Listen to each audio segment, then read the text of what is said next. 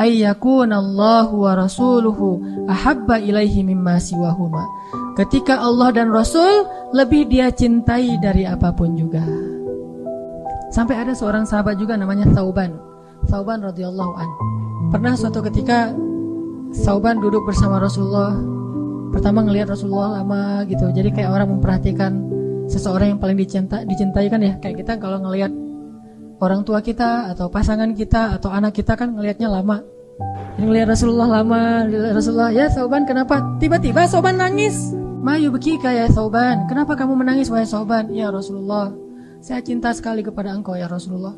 Tidak ada yang lebih saya cintai di muka bumi ini setelah Allah kecuali engkau ya Rasulullah. Saya khawatir kalau-kalau nanti engkau kembali kepada Allah dan saya juga kembali kepada Allah, saya tidak akan bertemu dengan engkau lagi ya Rasulullah. Kenapa demikian ya Sauban? Ya Rasulullah, engkau itu kekasih Allah. Engkau itu dijanjikan surga oleh Allah. Tempatmu itu di surga Firdaus. Sedangkan saya hanya orang biasa ya Rasulullah. Amal saya sedikit, dosa saya banyak. Bagaimana saya akan menemuimu lagi nanti di akhirat ya Rasulullah? Cuma di dunia saja saya bisa melihat wajahmu dari dekat. Sedangkan di akhirat, engkau berada di tempat yang tinggi dan saya belum tentu masuk ke dalam surga. Bagaimana keadaan saya hari itu ya Rasulullah? Di dunia mungkin saya bisa bertemu dengan engkau ya Rasul Bisa memeluk engkau, bisa mendengar kata-katamu yang luar biasa Bisa melihat wajahmu dan senyummu yang sangat sangat menentramkan hati. Nanti di akhirat, bahkan di padang masyar belum tentu saya bisa bertemu dengan engkau ya Rasulullah. Nangis soban, karena khawatir nggak bisa ketemu dengan Rasulullah nanti di akhirat.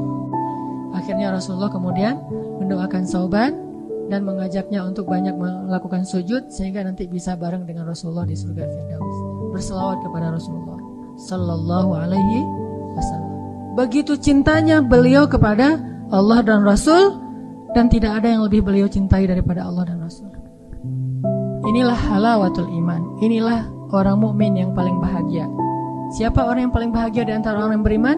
Yang benar-benar bisa meletakkan Allah dan Rasul di dalam hatinya dan tidak ada ruang lagi buat yang lain kecuali dengan seizin Allah dan Rasulnya.